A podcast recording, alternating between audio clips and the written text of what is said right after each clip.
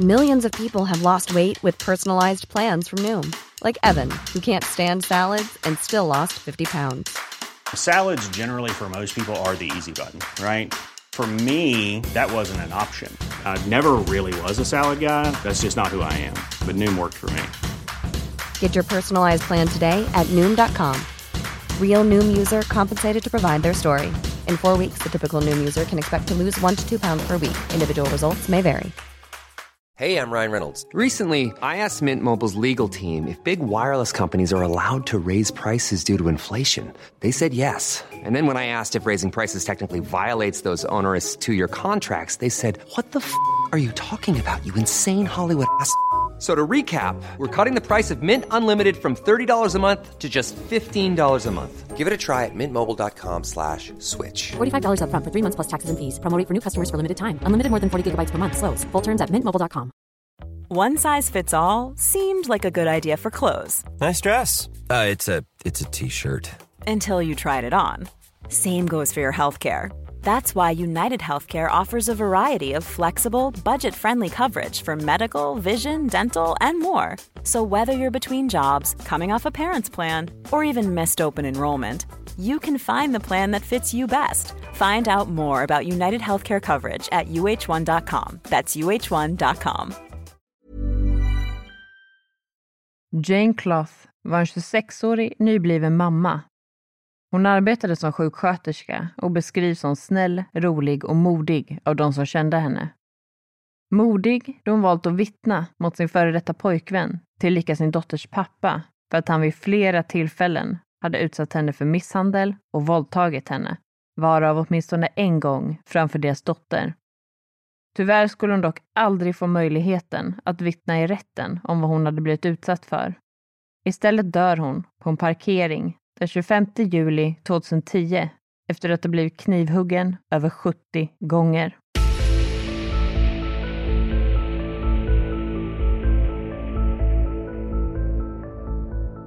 Hej på er och varmt välkomna ska ni vara till den här veckans avsnitt av Rysapodden. Och som vi nämnde i förra veckan så är ju det här faktiskt det allra sista avsnittet för den här säsongen. Så man kan ju helt enkelt konstatera att tio veckor går väldigt fort. Det gör ju det tyvärr.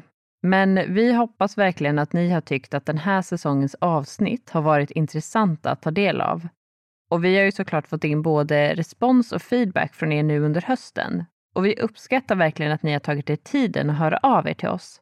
Ja, och det ska sägas att vi blir lika glada varje gång ni hör av er med en kommentar eller delar med er av bilder på hur och var ni lyssnar på podden.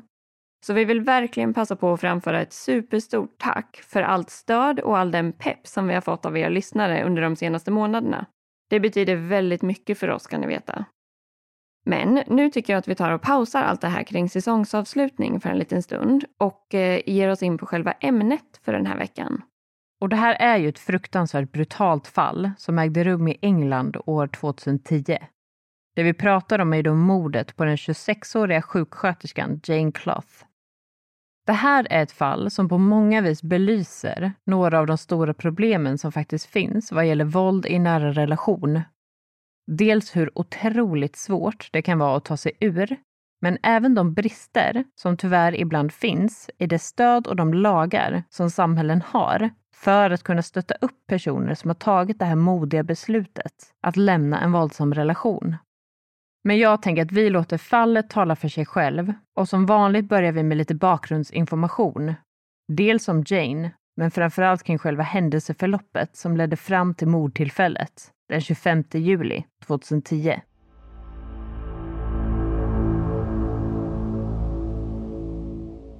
Jane Cloth föddes år 1984.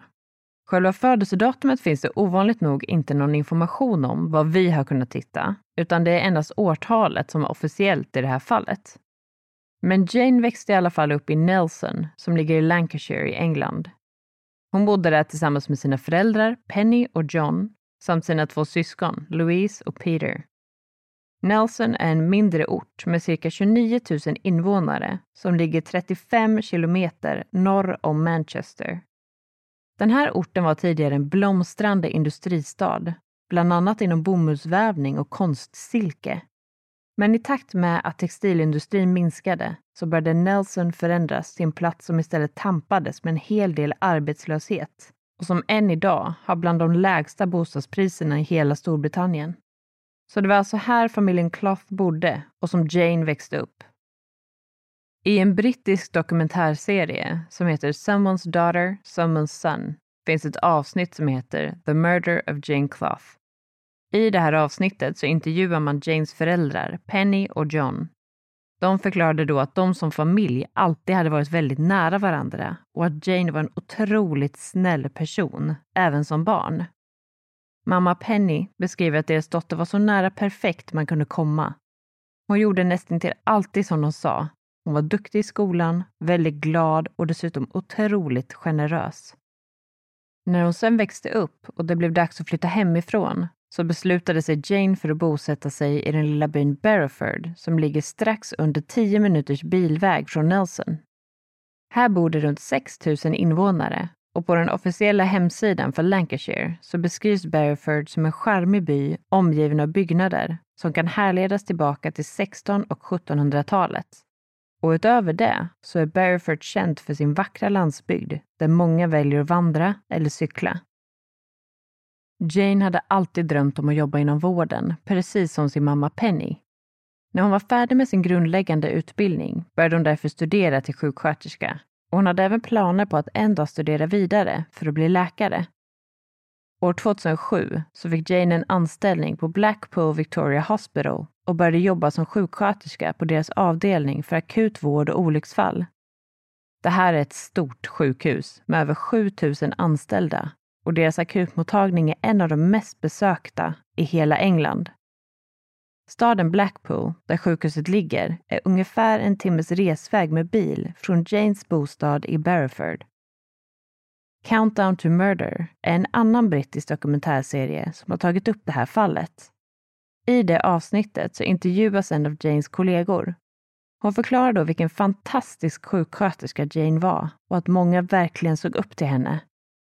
Både kollegor och vänner beskriver Jane som en snäll, glad och väldigt rolig tjej som alltid kunde få en att skratta. I maj 2007 skulle dock saker och ting komma att förändras i Janes liv. Då blev nämligen en man vid namn Jonathan Vass anställd vid samma sjukhus som Jane, det vill säga Blackpool Victoria Hospital. Hans exakta arbetstitel verkar variera lite beroende på källa. Vissa kallar honom för en så kallad paramedic, medan andra beskriver honom som en EMT, Enligt de källor som vi har bedömt som mest trovärdiga beskrivs han dock som en EMT, vilket vi då också går på. EMT står för Emergency Medical Technician och är en typ av yrkesroll inom ambulanssjukvård. Det ska sägas att de olika titlarna och rollerna på de personer som jobbar i en ambulans skiljer sig något mellan England och Sverige. För här hemma så brukar det ju vanligtvis finnas sjukvårdare, sjuksköterskor och specialistsjuksköterskor. Men i England har man istället det man kallar för Emergency Medical Technician och Paramedic. Men åter till Jonathan Vass. Han började alltså som EMT på Blackpool Victoria Hospital under våren 2007. Jonathan är född år 1980 och är alltså fyra år äldre än Jane. I samband med att han började jobba på sjukhuset så började Jane och Jonathan att träffas. I början var det lite i smyg, men de ska sedan ha blivit ett officiellt par någon gång under slutet av 2007 eller början av 2008. Det finns nämligen lite olika uppgifter om det här beroende på vilken källa man utgår ifrån. Men ett par blev de i alla fall och Jonathan beskrivs av Janes kollegor som vänlig och skämtsam. Ibland så pass skämtsam att det drog lite åt oprofessionella hållet. Hennes kollegor har även uppgett att han kunde framstå som ganska så korkad och plump emellanåt. Men Jane gillade Jonathans personlighet, vilket förvånade flera av hennes kollegor. Janes vänner beskrev att de verkligen var varandras motsatser. Jane var nämligen väldigt liten och späd, medan Jonathan vägde över 100 kilo.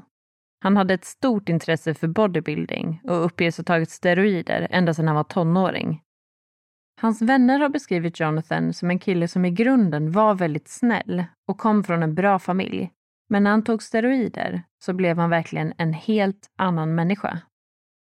Efter att Jonathan och Jane hade dejtat i ett par månader så berättade han för Jane att han var gift med en annan kvinna som enligt de källor som vi har kunnat hitta heter Joanne. Han förklarade då att de höll på att separera och att de även hade två barn tillsammans. Anledningen till separationen skulle enligt Jonathan vara att hans fru hade varit otrogen mot honom. Sanningen var dock att han och hans fru inte alls var separerade utan att Jonathan nu hade börjat leva ett väl genomtänkt dubbelliv. Efter att de hade varit ett par i ungefär sex månader så flyttade Jonathan in hos Jane i hennes bostad i Barryford. I samband med det här så förklarade han för Jane att han var tvungen att åka hem till sin före detta fru och sina barn kontinuerligt för att hjälpa till och ta hand om dem. Ibland sa han också till Jane att han skulle jobba nattskift, vilket inte stämde. Faktumet att han åkte hem till fru och barn stämde ju däremot, men inte under de premisser som han hade nämnt för Jane. För det var ju nämligen så att Jonathan fortfarande levde i en relation med sin fru. Och man kan ju tänka sig att det här dubbellivet i sig kräver en hel del energi och planering. Men Jonathan slutade inte där heller, utan han hade dessutom en tredje flickvän som hette Yvonne och bodde i Blackpool. Men det här hade ju Jane såklart ingen aning om. Så deras relation utvecklades och Jonathan uppges ha gett henne väldigt mycket uppmärksamhet och skämde ofta bort henne med fina presenter. Janes föräldrar har berättat att redan första gången som de träffade Jonathan så upplevde de att han var ganska så konstig. Han ska då ha pratat om sin mormor eller farmor och att hon skulle ge honom ett stort arv. Och det här var ju ett ganska märkligt val av samtalsämne och det skulle senare visa sig att det inte ens var sant. Det fanns dessutom en växande oro bland Janes nära och kära, för de började nämligen se tecken på att saker och ting kanske inte stod helt rätt till i förhållandet. De märkte bland annat saker som att hon började isoleras mer och mer från många av sina vänner och sin familj. Det fanns endast ett fåtal vänner som Jonathan godkände att Jane umgicks med. Han kunde även förhöra Jane om hennes tidigare pojkvänner en av hennes vänner beskriver att det kändes som att Jonathan inte ville att hon skulle haft någon bakgrund alls innan de träffades. Jane brukade också skriva en dagbok som Jonathan ofta tog sig friheten att läsa. Han kunde dessutom fälla små kommentarer mot Jane om saker som hon gjorde fel eller saker som nedvärderade henne. Ibland gjorde han det även framför andra personer, Vissa ska då ha reagerat på det här beteendet, men beskriver att det var så små och opassande kommentarer som var så på gränsen hela tiden, så att han ändå lyckades komma undan med dem. Men det här var inte det enda Jonathan ägnade sig åt. Vid ett tillfälle uppges han ha gått till Janes föräldrar för att berätta för dem om massa saker som Jane skulle ha gjort och som de då inte skulle tycka var okej. Okay. Lite som att han skvallrade på henne i syfte att orsaka någon form av konflikt dem emellan. Det här är ett beteende som Penny och John beskriver som extremt barnsligt. Det hände också att Jonathan förföljde Jane för att hålla koll på henne och se vart hon befann sig. Bland annat så följde han efter henne när hon skulle gå ut och äta lunch med några kollegor. Det här ska då ha varit för att säkerställa att det faktiskt var kollegor som hon gick ut och åt med. Därefter började det fysiska våldet. Det började först med örfilar som senare utvecklades till ordentliga slag. Jane använde ofta sjalar för att dölja blåmärken, men valde sen att berätta för sina vänner vad det var som pågick i relationen. De hade nämligen märkt av en förändring i Jane. Deras sociala, roliga och glada vän hade blivit ledsen och tillbakadragen. Även Janes föräldrar noterade vad det var som höll på att hända och de visste att allt inte stod rätt till och deras starka misstanke var att Jonathan slog henne. Vid det här laget så hade Jane inte berättat någonting för sina föräldrar, men hon kunde ibland hinta om att det var så och hon hade oftast på sig scarves eller långärmat för att dölja sina blåmärken. Penny och John beskriver dock att de inte ville pressa Jane eftersom de var rädda att det då skulle driva henne ännu mer mot Jonathan. De var däremot väldigt tydliga med Jane om att deras dörr alltid stod öppen och att de fanns där om hon behövde dem.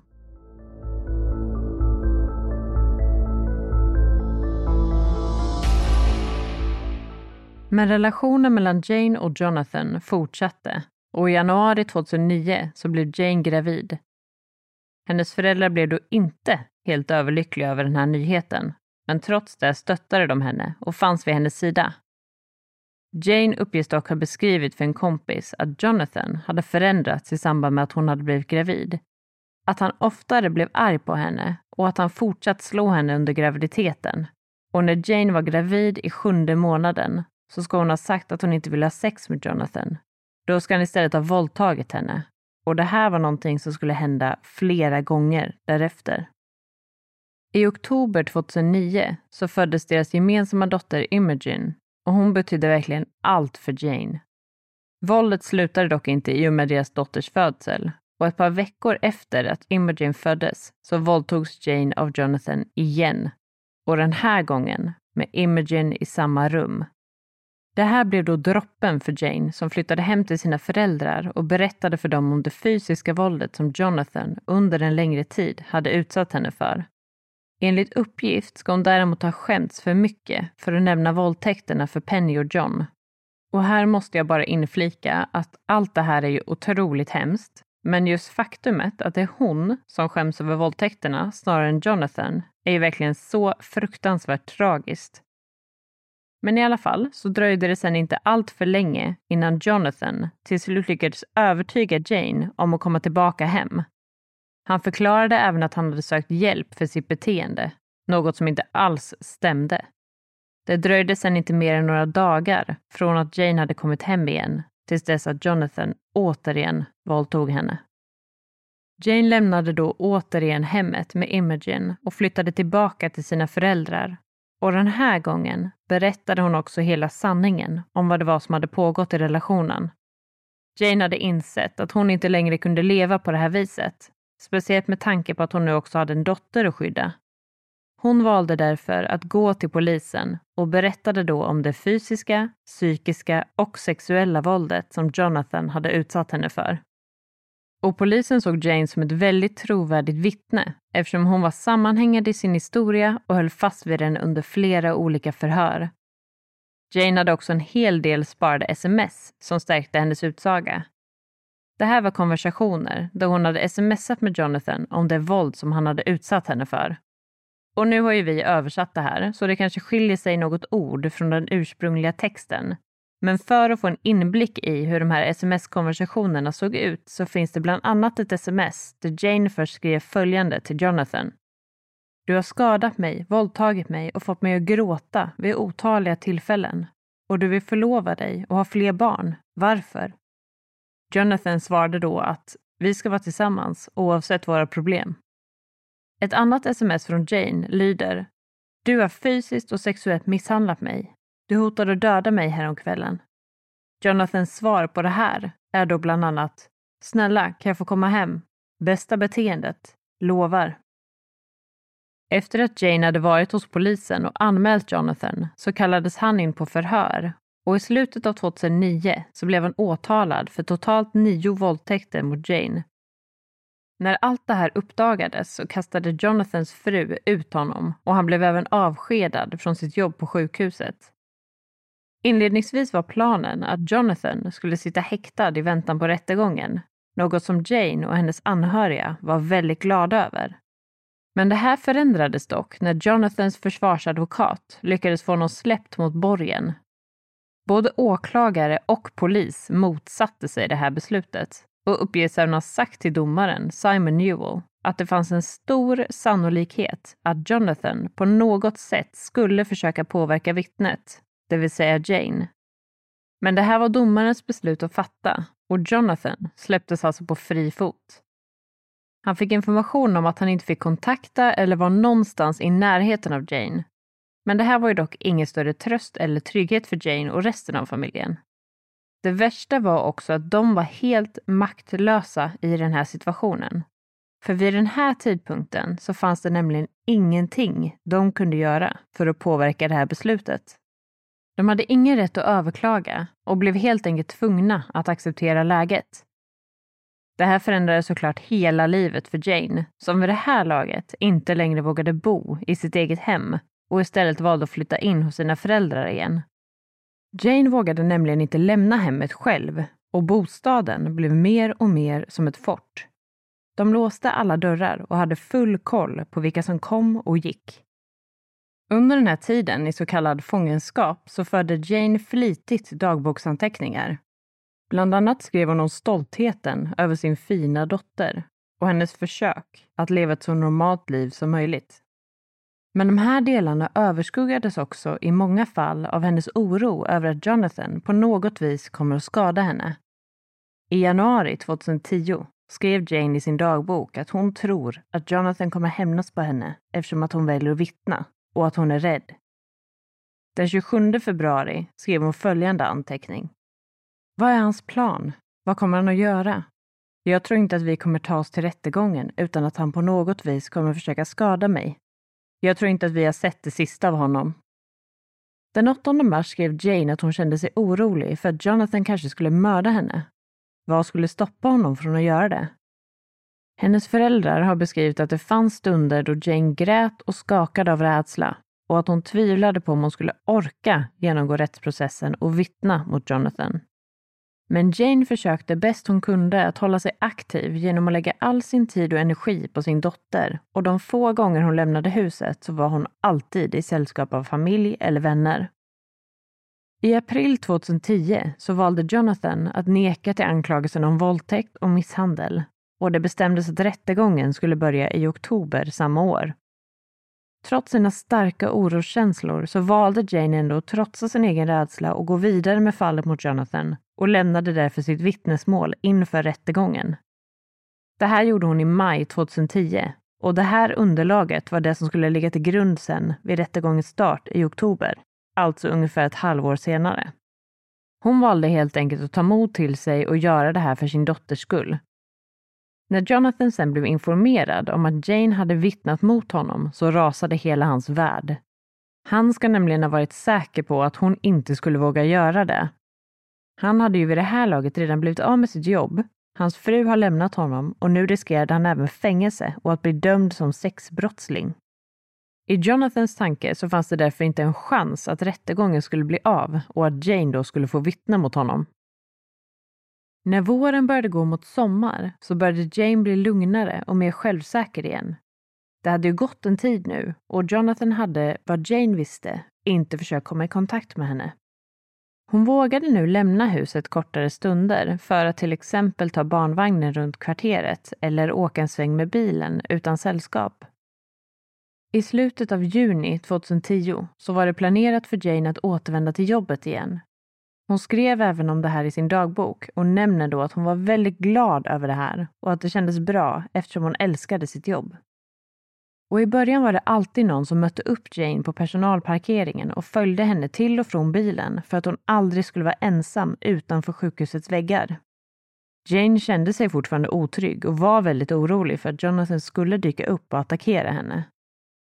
Under den här tiden så spenderade Jonathan större delen av sin tid på gymmet eller på att söka efter Jane. Han stalkade henne bland annat på Facebook och hade flera gånger följt efter henne när hon var ute, något som Jane och hennes vänner var helt ovetandes om. Fredagen den 23 juli vågade sig Jane till och med ut för en härlig kväll ute med sina tjejkompisar. I dokumentären Countdown to Murder, som vi nämnde tidigare, så beskriver en av hennes vänner att de hade en fantastiskt rolig och härlig kväll tillsammans. Jane kände som deras gamla vanliga och glada Jane och dagen efter så åt de frukost tillsammans. Men det de inte var medvetna om var faktumet att det här också var sista gången som vännerna skulle se Jane.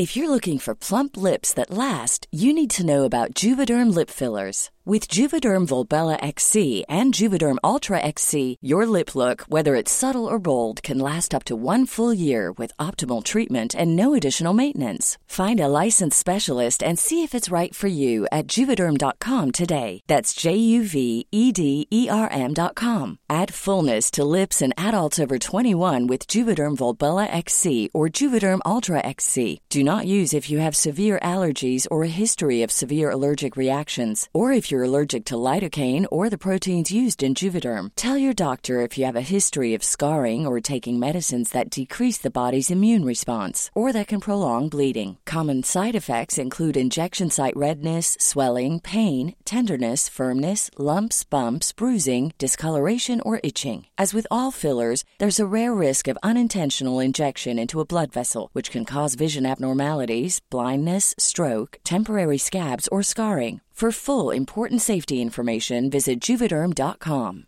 Cool fact a crocodile can't stick out its tongue. Also, you can get health insurance for a month or just under a year in some states. United Healthcare short term insurance plans, underwritten by Golden Rule Insurance Company, offer flexible, budget friendly coverage for you. Learn more at uh1.com. How would you like to look five years younger? In a clinical study, people that had volume added with Juvederm Voluma XC in the cheeks perceived themselves as looking five years younger at six months after treatment. Look younger, feel like you. Add volume for lift and contour in the cheeks with Juvederm Voluma XC. Reverse signs of aging by adding volume to smooth laugh lines with Juvederm Volure XC. For important safety information and to find a licensed specialist, visit juvederm.com. That's J U V E D E R M.com. Not for people with severe allergic reactions, allergies to lidocaine, or the proteins used in Juvederm. Common side effects include injection site redness, swelling, pain, tenderness, firmness, lumps, bumps, bruising, discoloration, or itching. There's a risk of unintentional injection into a blood vessel, which can cause vision abnormalities, blindness, stroke, temporary scabs, or scarring. Talk to a licensed specialist to find out if it's right for you. Söndagen den 25 juli 2010 hade Jane varit tillbaka på jobbet i ungefär sex veckors tid och hon började nu äntligen känna sig lite tryggare med tillvaron. Enligt uppgift ska hon inte heller ha velat besvära sina kollegor och eftersom känslan av hot kändes mer avlägsen började Jane gå till och från sin bil på parkeringen själv utan att en kollega behövde möta upp henne. Det hon däremot inte visste var att Jonathan fortfarande var oerhört arg och uppfylld av ett starkt hämndbegär. Han ansåg nämligen att han själv var ett offer och att Jane var den som hade utsatt honom för allt det här. Och den här dagen, alltså den 25 juli, så skulle Jane jobba ett nattskift på sjukhuset. Hon spenderade därför dagen tillsammans med dottern Imogen hemma hos sina föräldrar och lämnade sedan hemmet runt klockan halv åtta på kvällen. Därefter begav hon sig iväg och körde sin vanliga pendlingssträcka på cirka 50 minuter till jobbet. Det Jane då inte vet är att vid klockan kvart i åtta så parkerar Jonathan sin bil en bit bort från sjukhuset och tar sedan sin cykel och cyklar iväg mot sjukhusets parkeringsplats. Han är då fullt medveten om att Jane snart skulle anlända till parkeringen inför sitt kommande nattskift. Hon kommer sen fram runt kvart över åtta och parkerar då som vanligt bilen vid personalparkeringen och börjar gå mot sjukhuset. Därefter börjar hon gå mot själva ingången, men man har senare kunnat se på en övervakningskamera som fanns på sjukhuset att hon plötsligt vänder tillbaka mot bilen. Det är dock väldigt oklart varför hon gör det här. Vid den här tidpunkten väljer Jonathan att komma fram och konfrontera Jane och kräver då att hon ska ta tillbaka sitt vittnesmål. Något som Jane vägrade göra. Jonathans reaktion blir då att plötsligt börja attackera Jane med en kniv och det som händer därefter kan verkligen inte beskrivas som någonting annat än en fruktansvärt brutal attack. För han knivhugger då Jane hela 71 gånger. Det som gör det hela ännu mer brutalt är att Jonathan, efter att ha attackerat Jane, lämnade henne liggandes på marken och sen började gå därifrån. Men mot alla odds var Jane fortfarande vid liv vid den här tidpunkten och försökte då i ren desperation ta sig till sin bil samtidigt som hon kämpade för sitt eget liv.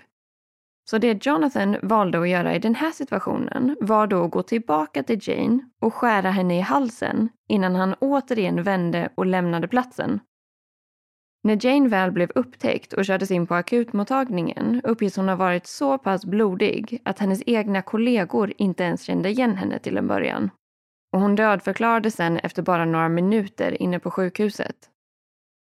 Man kunde i efterhand konstatera att Jane hade mottagit cirka 19 knivhugg bara i nacken och hennes armar visade tydliga sår efter att hon desperat försökt att försvara sig själv. Ungefär runt midnatt samma kväll höll Janes föräldrar på att göra sig i ordning för att gå och lägga sig. I samband med det här knackade en polisman på vid ytterdörren och levererade den fruktansvärda nyheten om att deras älskade dotter Jane hade blivit mördad. Det fanns då inte ett endaste tvivel hos Penny och John om vem som skulle ha kunnat utsätta Jane för det här. Inte heller Janes kollegor tvivlade på vem som kunde ha legat bakom mordet. Enligt dem var det nämligen helt uppenbart att gärningsmannen var Jonathan Bass. Polisen påbörjade en sökning efter Jonathan och bestämde sig även för att bevaka hemmet där John, Penny och Imogen befann sig eftersom han eventuellt kunde ha planer på att skada sin dotter eller Janes föräldrar. Och de hade definitivt inte fel i den här teorin. Jonathan valde nämligen att köra runt i sin bil hela natten innan han runt klockan halv åtta på morgonen begav sig till huset där John och Penny bodde. Polisens teori är att Jonathan hade planerat att mörda sin egen dotter och eller Janes föräldrar för att sedan tända eld på huset. För när han väl anlände till huset hade han nämligen med sig två stora dunkar med bensin men till sin förvåning möttes Jonathan då istället av poliserna som stannat kvar och bevakat bostaden och de påbörjade då ett gripande. Och det som ska ha gjort Jonathan mest upprörd i den här situationen var då inte själva faktumet att han nu skulle gripas för det han hade gjort mot Jane. Utan det värsta för honom var att en av poliserna var en kvinna och han kunde inte acceptera att han skulle behöva arresteras av just en kvinna. Han ansåg nämligen att kvinnor var saker eller objekt och en kvinna skulle inte under några som helst omständigheter få säga åt honom vad han skulle göra. Enligt uppgift ska Jonathan ha skrattat åt den här kvinnliga polisen och sagt att bara en manlig polis fick arrestera honom.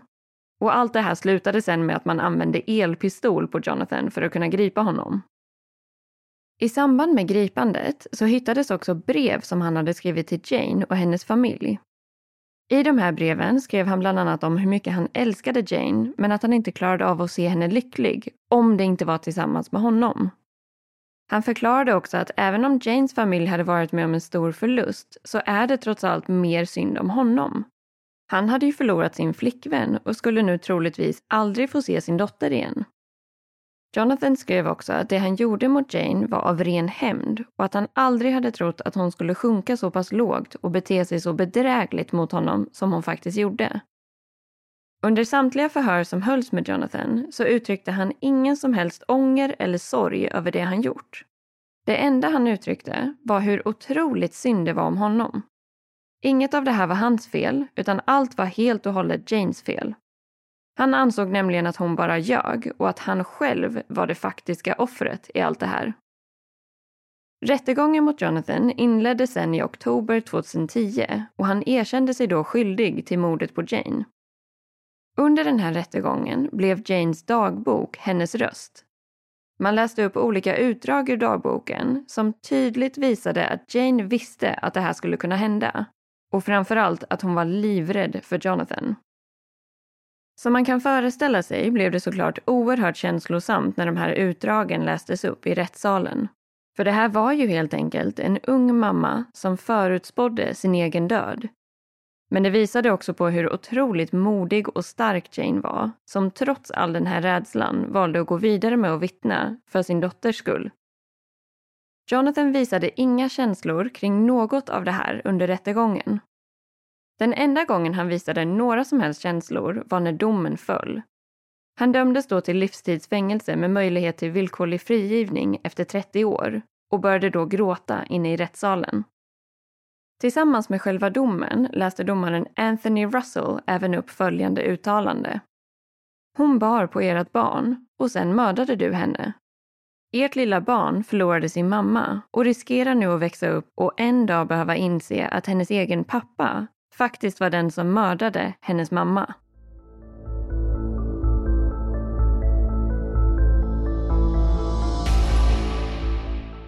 Jonathan Vass sitter än idag fängslad på högsäkerhetsfängelset HMP Manchester som trots ett officiellt namnbyte fortfarande brukar kallas vid sitt gamla namn, Strange Ways Prison. Och som sagt dömdes han ju till livstidsfängelse år 2010 med möjlighet till villkorlig frigivning efter 30 år det här innebär alltså att Jonathan potentiellt skulle kunna bli frigiven i juli år 2040. Våren 2011 sändes ett avsnitt av den dokumentära tv-serien Strange Ways där bland annat Jonathan Vass fångades på kamera. Det är den brittiska tv-kanalen ITV som ligger bakom den här produktionen och i den här serien får man en inblick kring livet och vardagen bland både personal och intagna på Strange Ways Prison. Det ska dock sägas att vi dessvärre inte har lyckats se det här avsnittet i sin helhet eftersom det är engelskt innehåll och dessutom ungefär tio år gammalt. Men i en artikel på tidningen Lancashire Telegraphs hemsida så skriver en av deras journalister om det här avsnittet när Jonathan Vass medverkar. Han blir då intervjuad av flera olika specialister för att utvärdera den eventuella risken att han skulle kunna begå självmord. Jonathan uppges då ha sagt till produktionsteamet att han saknade Jane och att han kände sig tom, men att han också hatar henne så otroligt mycket. När han blev tillfrågad om han hade haft suicidala tankar svarade Jonathan att han brukade tänka på sin familj och faktumet att han har tre barn och att han hoppas att han en dag ska få släppas fri och återigen kunna vara en del av deras liv. En av sjuksköterskorna på fängelset uppger dock att hon kan se i Jonathans ögon att det inte finns några känslor eller empati överhuvudtaget och att han känns som en oerhört farlig individ och troligtvis också kommer att vara det under en väldigt lång tid. Men trots att Jonathan dömdes till livstid och än idag sitter fängslad så dömdes han ju däremot aldrig för de ursprungliga anklagelserna. Det vill säga våldtäkterna och misshandeln som han utsatte Jane för. Och det här är något som har gjort hennes familj och vänner extremt arga och besvikna. För det innebär nämligen att Jonathan inte behöver registreras som sexbrottsling eftersom han inte har blivit dömd för någon av våldtäkterna. Janes anhöriga anser att det här är väldigt fel och det kan man ju verkligen förstå eftersom att han då egentligen slipper undan ett fruktansvärt brott bara för att han senare begick ett, enligt lag, ännu grövre brott. Utöver det här finns en annan viktig aspekt kring rättssystemet som har inneburit en stor besvikelse för Janes familj. Nämligen faktumet att domaren Simon Newell släppte Jonathan mot borgen från allra första början. Om han hade förblivit häktad, som var planen från början, så skulle ju Jane eventuellt fortfarande ha kunnat vara vid liv idag. Penny och John har vid flera tillfällen uttalat sig om att de anser att den här domaren hade makten att neka borgen och därigenom även rädda Janes liv. Lagmässigt verkar det dock inte som att han gjorde något fel i det här beslutet, men det gör ju tyvärr inte saken bättre ur det moraliska och känslomässiga perspektivet. Så man kan ju till 100% förstå familjens ilska och frustration kring att det var så här det gick till och att Jonathan faktiskt fick släppas mot borgen. Faktumet att han sen inte heller dömdes för de tidigare anklagelserna blev ju därför ännu ett slag i ansiktet för Janes anhöriga. För i deras ögon så riskerade ju Jane egentligen sitt liv och sin egen säkerhet för att Jonathan skulle fällas för just de här brotten. Tisdagen den 10 augusti 2010 hölls begravningen för Jane vid kyrkan St. Thomas i Barrowford. Hennes aska lades sen till sin sista vila under ett vackert körsbärsträd på kyrkogården. Penny och John besöker kyrkogården regelbundet och brukar gå dit för att uppdatera Jane om hennes älskade dotter Imogen och allt som händer i deras liv. I den tidigare nämnda dokumentären Countdown to Murder så beskriver Penny och John att de hatar Jonathan och att de anser att han aldrig någonsin bör släppas fri. För den dagen han gör det så kommer han att vara precis lika farlig som den dagen då han greps. De beskriver också att Janes bortgång har påverkat väldigt många eftersom att hon var så pass omtyckt och älskad bland människor i sin omgivning. Men framför allt har det påverkat Imogen. Hon var ju bara nio månader gammal när hennes mamma blev brutalt mördad av hennes egen pappa. Imogen var bara en liten bebis som tragiskt nog blev lämnad kvar utan sin mamma som älskade henne över allt annat i världen. Janes yngre syster Louise tog över vårdnaden om Imogen och beskriver i dokumentären The Murder of Jane Clough att Imogen normalt brukade sova i en spjälsäng i samma rum som Jane. Och de första dagarna efter mordet så ställde hon sig därför upp i sängen på morgonen och letade efter sin mamma. Men efter ungefär en veckas tid så slutade hon att leta. Att ta över vårdnaden var dock inte det enklaste och gjorde det dessutom möjligt för Jonathan att återigen kunna terrorisera familjen Clough genom familjerättsliga processer. Bland annat ägde en förhandling rum där Jonathan valde att representera sig själv. Det här innebar att han chockerande nog fick möjlighet att förhöra Janes syster Louise och hennes man kring själva vårdnaden av Imogen. Med andra ord hade han alltså rätt att ställa frågor som exempelvis vad de planerade att säga om honom till Imogen. Och till Louise man, alltså Janes svåger, ställde han den minst sagt provocerande frågan. Vad får dig att tro att du kan vara en far till min dotter? Det har i efterhand skrivits flertalet artiklar och förts en hel del diskussion bland både allmänheten och politiker gällande att familjerättsliga processer inte borde kunna utnyttjas på det här viset. En man som mördat sitt barns mamma och med största sannolikhet hade planerat att mörda själva barnet i fråga bör enligt många inte ha haft den rätten från första början. Och det här är ju definitivt ett högst rimligt argument. Men som tur var fick den här vårdnadsprocessen ett lyckligt slut och Imogen växte nu upp tillsammans med sin moster Louise och hennes man och uppges under omständigheterna må väldigt bra. Hon har dock inga direkta minnen av sin mamma eftersom hon var så pass ung när hon dog. John och Penny beskriver att de kan se sin dotter i Imogen och att de vet att Jane hade älskat att få se sin dotter växa upp. De uppger också att de alltid kommer se till att Imogen vet om vilken underbar och modig kvinna hennes mamma faktiskt var. Även om det här fallet är otroligt tragiskt så ska det ändå sägas att det finns någonting positivt som har skett efter allt det här. Och det är helt och hållet tack vare Janes föräldrar.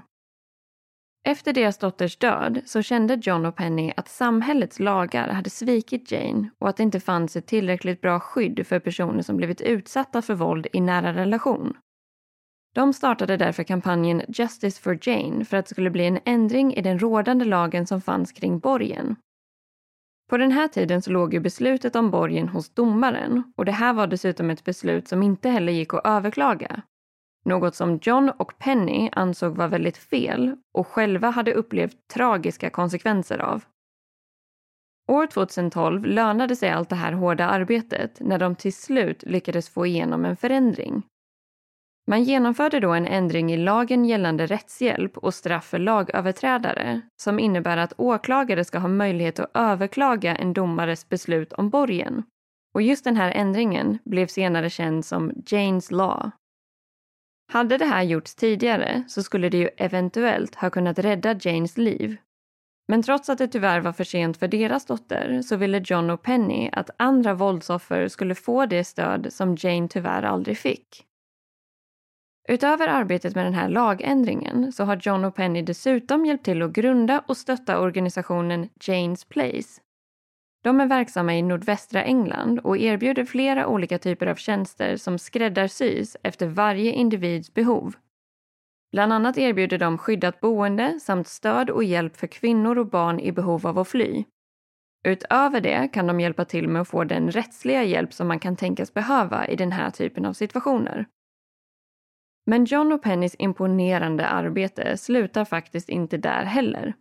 De är nämligen delaktiga i ytterligare fem skyddade boenden via organisationen SafeNet som erbjuder stöd till personer som är utsatta för våld i nära relation. Och både John och Penny Clough har tilldelats priset som i England kallas för MBE och står för Member of the Order of the British Empire. Och det här är ett pris man kan få om man bedöms ha gjort en väsentlig skillnad för det brittiska folket och på något vis gjort livet bättre för andra människor eller haft en positiv inverkan på den bransch man är verksam i. John och Penny har tilldelats just det här priset för deras arbete med att hjälpa personer som fallit offer för våld i nära relationer. John var den i paret som senast tilldelades en MBE och det här var år 2019 då han fick ta emot priset från självaste prins William. Efteråt sa han att det kändes underbart men att han hellre hade haft Jane tillbaka i sitt liv. Ingenting av det de har åstadkommit har i deras ögon varit värt kostnaden. John och Penny har på senare tid valt att ta ett aktivt steg tillbaka från det här arbetet och har dessutom flyttat och försökt börja om på nytt efter att ha kampanjat i princip nonstop sedan mordet på deras dotter. Och jag tänker att vi kan avsluta med ett citat från Janes pappa gällande deras arbete kring våld i nära relationer. Och det låter så här. Det är dags att den åtalades rätt till frihet ersätts av offrets rätt till säkerhet. Det är allt vi ber om.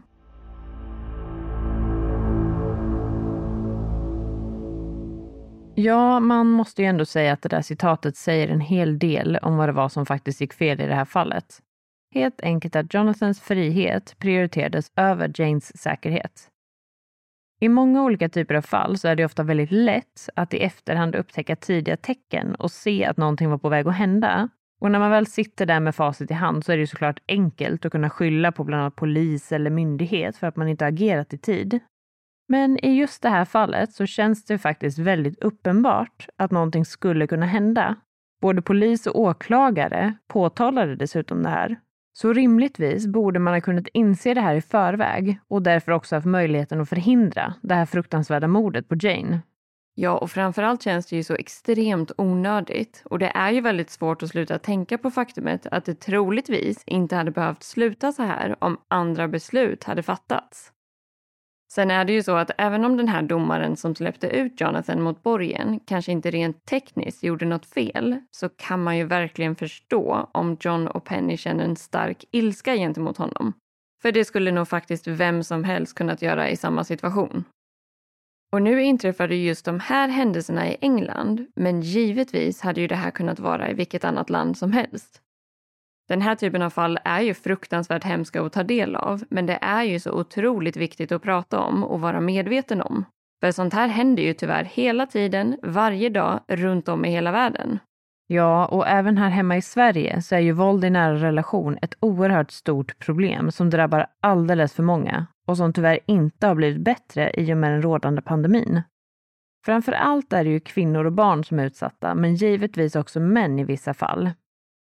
Om det är någon av er som lyssnar som själv lever i en våldsam eller på andra sätt skadlig relation, eller som kanske har en vän eller bekant som ni känner er oroliga för, då finns det såklart hjälp och stöd att få genom bland annat vården och flera olika fantastiska organisationer.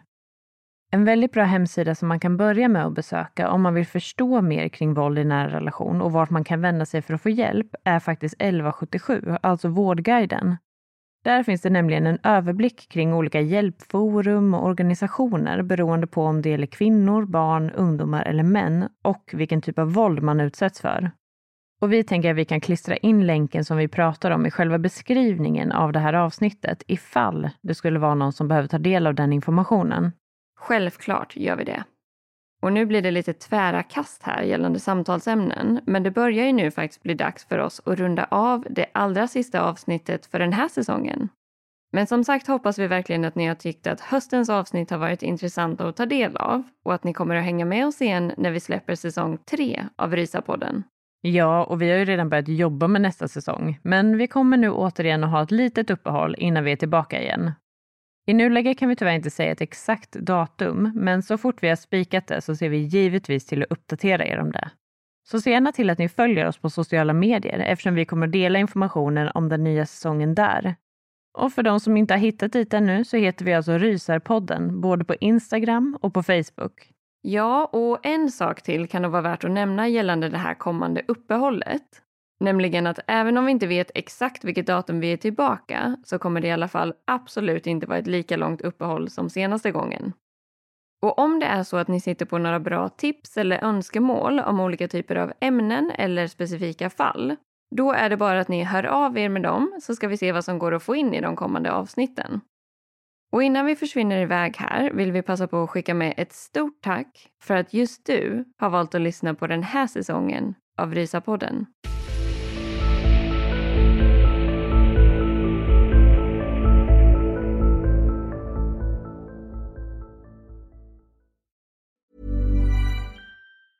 Even when we're on a budget, we still deserve nice things.